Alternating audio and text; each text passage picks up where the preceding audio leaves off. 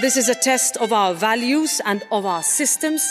And colleagues, let me assure you that we will meet this test head on.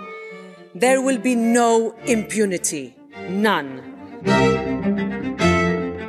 Welkom bij de podcast Waarom Europa? Europa-specialist professor Steven van Hekken van de KU Leuven en journalist Joris van der Poorten blikken terug op de afgelopen weken. Wat moeten we onthouden? Wat is blijven hangen? Wat ligt er op tafel en zal daar misschien nog een tijdje blijven liggen? Waarom Europa?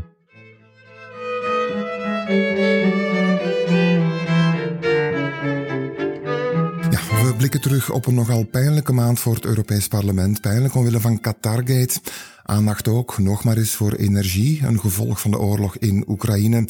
Argument voor de Europese leiders om Rusland nog een extra sanctiepakket op te leggen en het Oekraïnse volk een prijs toe te kennen. Orbán beet in het zand afgelopen maand en de Schengenzone is uitgebreid.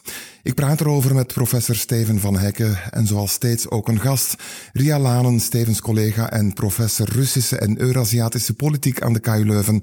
Dag Steven, dag Ria. Dag Joris. Dag collega's. Het ging dus over Qatargate en het zal er wellicht nog een poosje over gaan. We luisteren naar Europees Parlementsvoorzitter Roberta Metsola. I must choose my words carefully uh, in a manner that does not jeopardize ongoing investigations or in any way undermine the presumption of innocence. And I will. So if my fury, my anger, My sorrow do not come across, please be assured that they are very much present, along with my determination for this House to grow stronger. Metsola is boos, zegt ze. Qatar en blijkbaar ook Marokko hebben geprobeerd om invloed in het Europees Parlement te kopen bij voormalige en huidige parlementsleden, onder wie de Griekse Eva Kaili en de Italiaan Antonio Panzeri, werden grote sommen geld gevonden. Maar ook familie, medewerkers, onder meer van Marie Arena en ook een NGO zijn genoemd. Net zoals het Belgische Europarlementslid Mark Tarabella. Wat betekent dit, Steven, voor het Europees Parlement? Het is een uiterst pijnlijke episode, dat is heel uh, helder en duidelijk. Met name omdat het Europees Parlement zelf altijd op de eerste rij staat om anderen de les te spellen als het aankomt op uh, strijd tegen georganiseerde misdaad en, en corruptie. Dus het wordt dan natuurlijk gemakkelijk verweten van hypocriet te zijn. De feiten zijn ook redelijk spectaculair. Het lijkt uit een film te komen van twintig jaar geleden. Iemand die plots opduikt met een berg cashgeld, dan nog in een koffer. Dat spreekt zeker tot de verbeelding. Anderzijds moeten we het ook durven toegeven dat het al bij al beperkt is. Voorlopig gaat het slechts om drie Europarlementsleden op de 705. Weliswaar die onderling een soort businessmodel hebben kunnen opzetten waar dus cashgeld wordt verdeeld onder een aantal trawanten in uh, ruil voor een goed woordje voor een aantal golfstaten en dus ook in Marokko. Nu, alle verdachten zitten in of circuleren rond de fractie van de Sociaaldemocraten. Maar intussen blijken er ook zogeheten officieuze vriendschapsgroepen te bestaan van Europarlementsleden, die zich dan de vrienden van een land als Qatar bijvoorbeeld noemen, met weinig controle, maar wel parlementsleden uit alle fracties op extreem links en groen na. Werk aan de winkel voor Metsola, want zij wil dit verbeteren, hè, de werking van het parlement. Zeker, de regelgeving in Europa is al redelijk streng en veel beter dan verschillende lidstaten, maar dat neemt niet weg inderdaad dat het Europees Parlement zelf nog um, veel op, de, op het uh, schap heeft, zoals inderdaad parlementsvoorzitter en Metzola zegt. Er zijn een aantal controlemechanismen die zeker aangescherpt kunnen worden. Er is een probleem met de forfaitaire onkostenvergoeding. Er is een probleem met de registratie van vertegenwoordigers van derde landen en diplomaten. Er is zelfs ook een probleem voor de bescherming van klokkenluiders en zo kan ik nog wel eventjes verder gaan. Dus er is zeker nog veel werk, alhoewel we natuurlijk ook moeten toegeven dat corruptie natuurlijk nooit volledig uitgesloten kan worden. Als er uh, malafide Europarlementsleden rondlopen, zullen die natuurlijk ook niet tegengehouden worden door nieuwe regels. Maar de regels zijn wel uh, nodig en ze moeten zeker scherper. Ja, hoe bekijk jij dit, Ria? Wel, dit hele verhaal doet mij echt denken aan uh, wat er um, een aantal jaar geleden is gebeurd uh, in, het, in de Raad van Europa, in het, de parlementaire assemblée daar met Azerbeidzjan. Maar toen heeft men daar in de media niet zoveel aandacht aan besteed, maar daar lopen tot op heden nog onderzoeken rond naar bijvoorbeeld een aantal Duitse politici. Daar bleken heel wat parlementsleden bij betrokken te zijn. Uh, en um, ja, daar ging het om nog veel grotere sommen geld, waarbij Azerbeidzjan heel gelijkaardige praktijken probeerde te bereiken. Hè. Dus het um, kopen van invloed, um, om op die manier hun uh, mensenrechtenrapport uh, mooier laten te lijken dan het is. Ja, voor een goed begrip, de Raad van Europa is geen Europese nee. instelling, geen instelling van de EU bedoel ik. Klopt. Kijk toe op de naleving van het verdrag uh, dat de mensenrechten beschermt. Ja. Hè.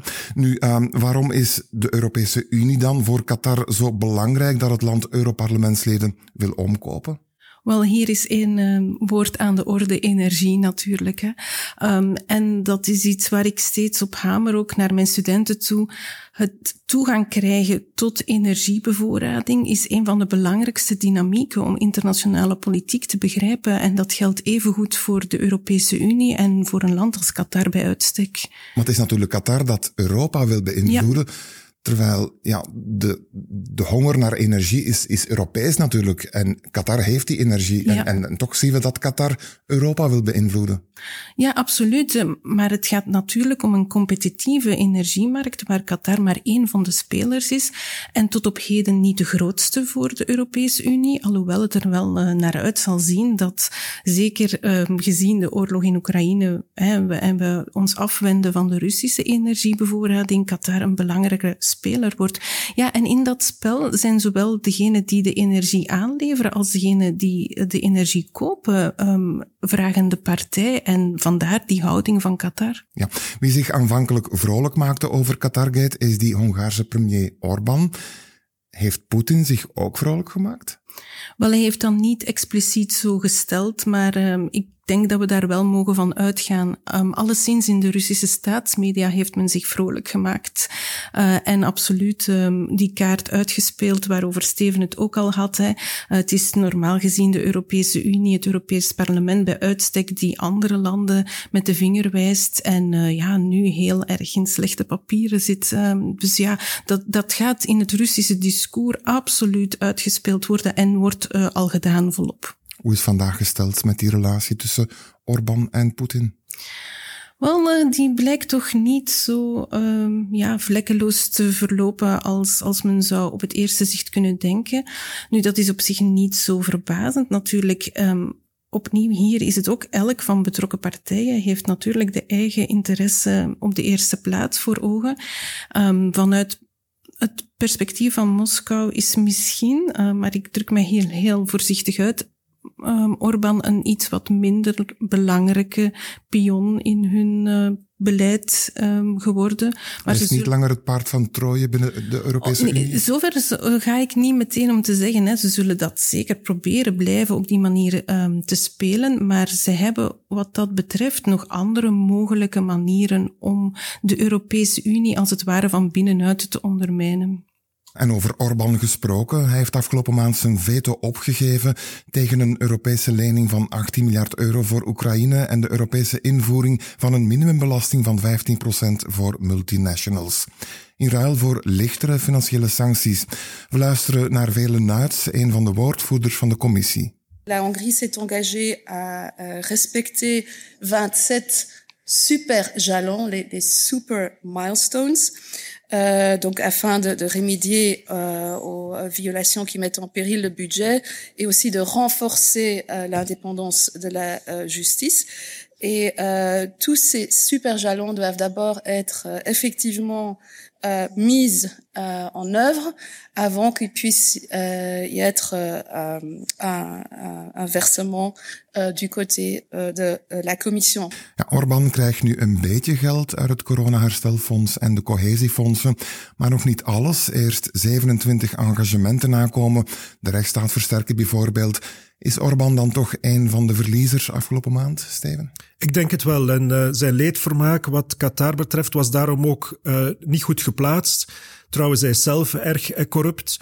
Um, hij heeft geen lessen te geven en bovendien is het bij hem dan nog eens met West-Europees belastingsgeld. Dat is eigenlijk nog erger. Hè. Voor de Qatarezen was het tenminste nog een eigen cash. En het was wellicht ook als afleidingsmanoeuvre bedoeld, want hij heeft inderdaad een zware nederlaag erleden. Voor de eerste keer moet hij ook financieel inbinden, terwijl we weten dat hij het geld nodig heeft. Hongarije doet het niet goed, vlak van inflatie. Uh, hij heeft geld nodig om zijn uh, overheidsapparaat te laten draaien, dus hij had het zeker nodig, maar hij gaat het niet krijgen omdat hij de principes van de rechtsstaat onvoldoende volgt.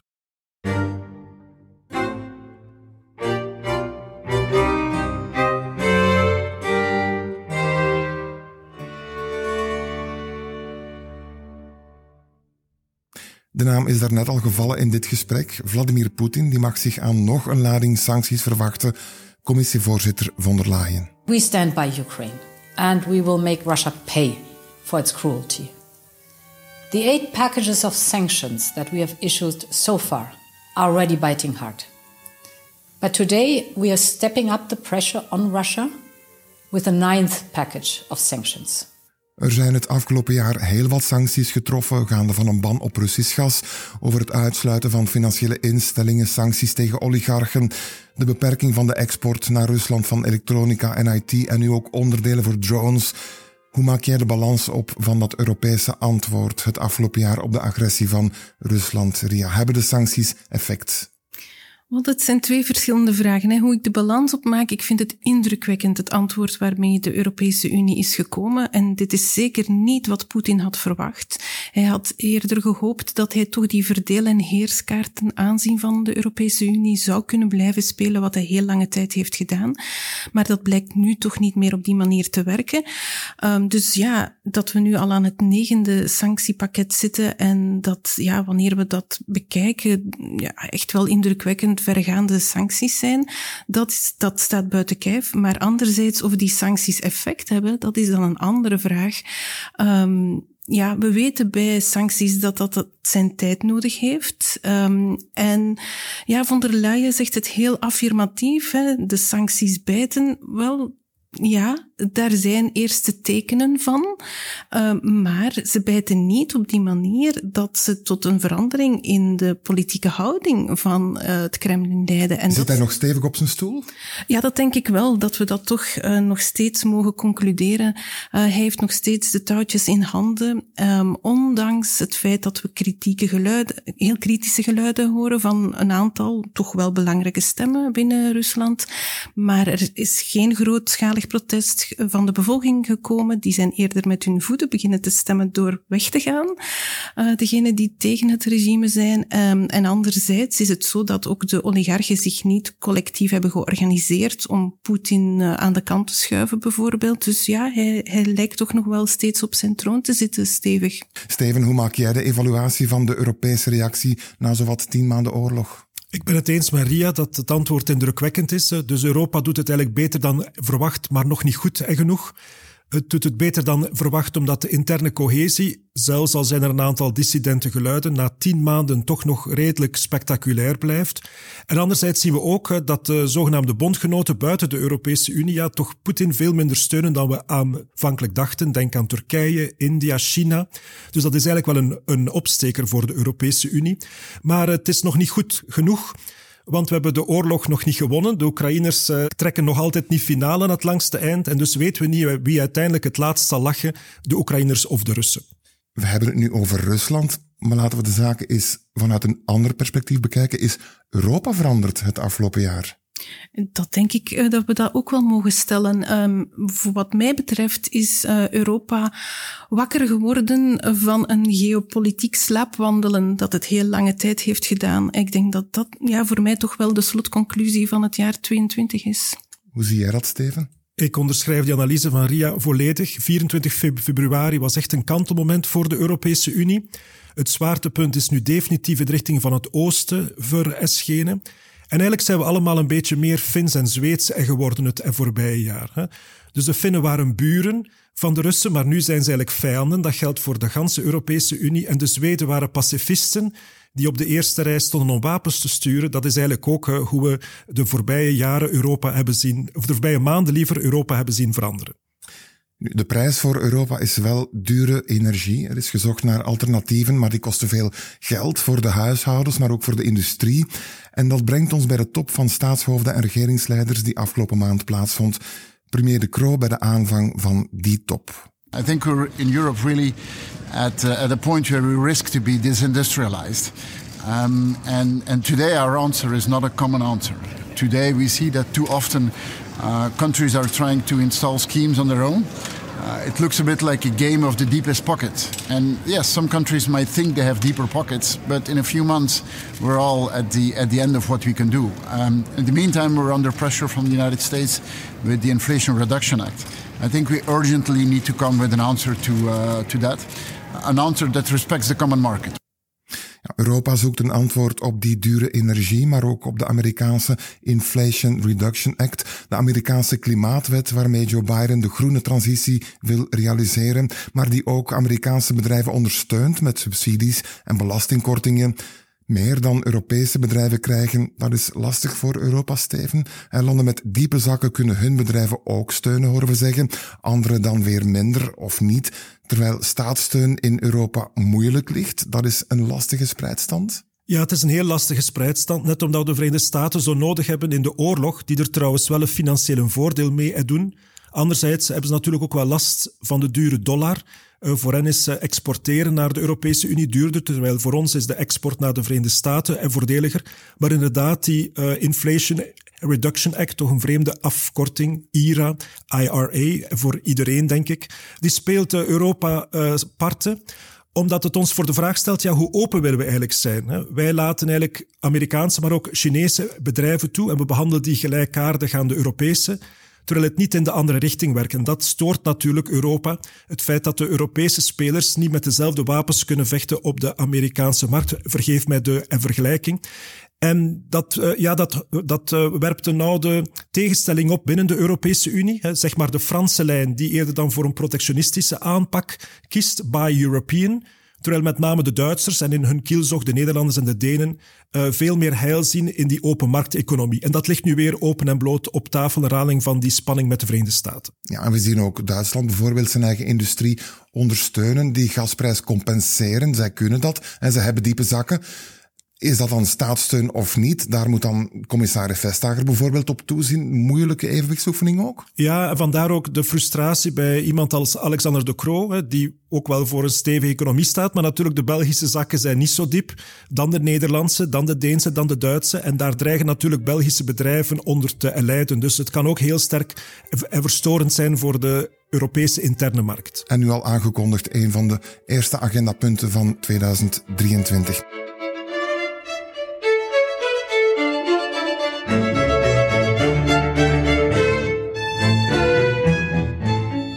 First, I would like to say to all the citizens in Croatia, welcome, congratulations. You are warmly welcome to uh, Schengen area. But can I also turn to the citizens of Romania and Bulgaria? You deserve to be full members of Schengen. You deserve to have access to the free movement in the Schengen area.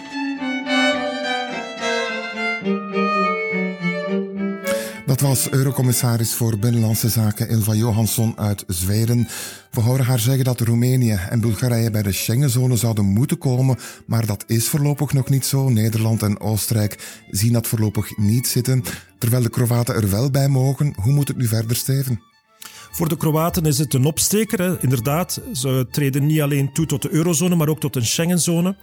Terwijl de Bulgaren en de Roemenen, de Nederlanders en de Oostenrijkers op een weg vinden die duidelijk, de regeringen in Den Haag en in Wenen hebben duidelijk schrik van radicaal rechts. Ik denk dat dat de enige reden is. Want Bulgarije en Roemenië hebben al extra inspanningen moeten doen. De commissie heeft gezegd dat het nu in orde is. En toch blijven die twee landen dwars liggen. Uh, de ironie is trouwens dat er heel veel problemen zijn aan de Bulgaars-Turkse grens en dat men daar de mensenrechten niet echt in rekening brengt. Hè. Uh, terwijl de Nederlanders net en de Oostenrijkers vinden hè, dat de Bulgaren uh, omkoopbaar zijn. Dus ik denk ja, dat er wellicht wat uitstel nodig is hè, en dat het afwachten zijn hoe de Nederlandse en de Oostenrijkse publieke opinie kantelt vooraleer uh, inderdaad Bulgarije en, en Roemenië rechtmatig, want ze voldoen aan alle voorwaarden, rechtmatig hun plaats kunnen opnemen binnen de Schengenzone. Maakt het voor de Russen eigenlijk iets uit, Ria, of ze nu al dan niet in uh, Roemenië of Bulgarije kunnen komen. Want goed, de visapolitiek is, is veranderd hè, door de oorlog. Dus een Schengen-visum maakt voor Russen vandaag weinig uit, hè? Nee, dat was vroeger een uh, gegeerd goed, maar uh, ja, op dit moment uh, maakt dat voor de Russen niet meer zoveel verschil. Zij kijken eerder naar andere opties buiten de Europese Unie, hè, naar landen waar zij nog relatief makkelijk naartoe kunnen. En in dat gaat dan in de eerste plaats om landen als Armenië, Kazachstan, waar je ziet dat de grootste aantallen van Russen naartoe zijn getrokken die weg willen uit Rusland. Schiet Europa tekort in zijn beleid ten aanzien van de Russische vluchtelingen? Want die zijn er natuurlijk, hè? Ja, er zijn uh, Russische vluchtelingen, um, maar ja, of, of Europa daar tekort schiet, zover zou ik misschien niet gaan. Ik begrijp dat de eerste aandacht uitgaat naar de Oekraïnse vluchtelingen natuurlijk. Hè. Zij hebben de prioriteit op de agenda. En ik hoor toch ook, en, en die mening deel ik ook stilaan wel meer en meer, dat men toch ook een zekere frustratie heeft over het uitblijven van protesten onder de Russische mensen die dan wel in de Europese Unie verblijven, bijvoorbeeld. Hè, dat zij zich niet kritischer uitlaten over wat er gebeurt. En ik denk dat dat mede verklaart waarom men toch heel voorzichtig is om rond Russische vluchtelingen een beleid uit te werken. Oké, ik zou willen eindigen met het volgende fragment. It is my uh, privilege to announce that the 2020-22 Sakharov Prize for Freedom of Thought has been awarded to the brave people of Ukraine, represented by their president, elected leaders and civil society.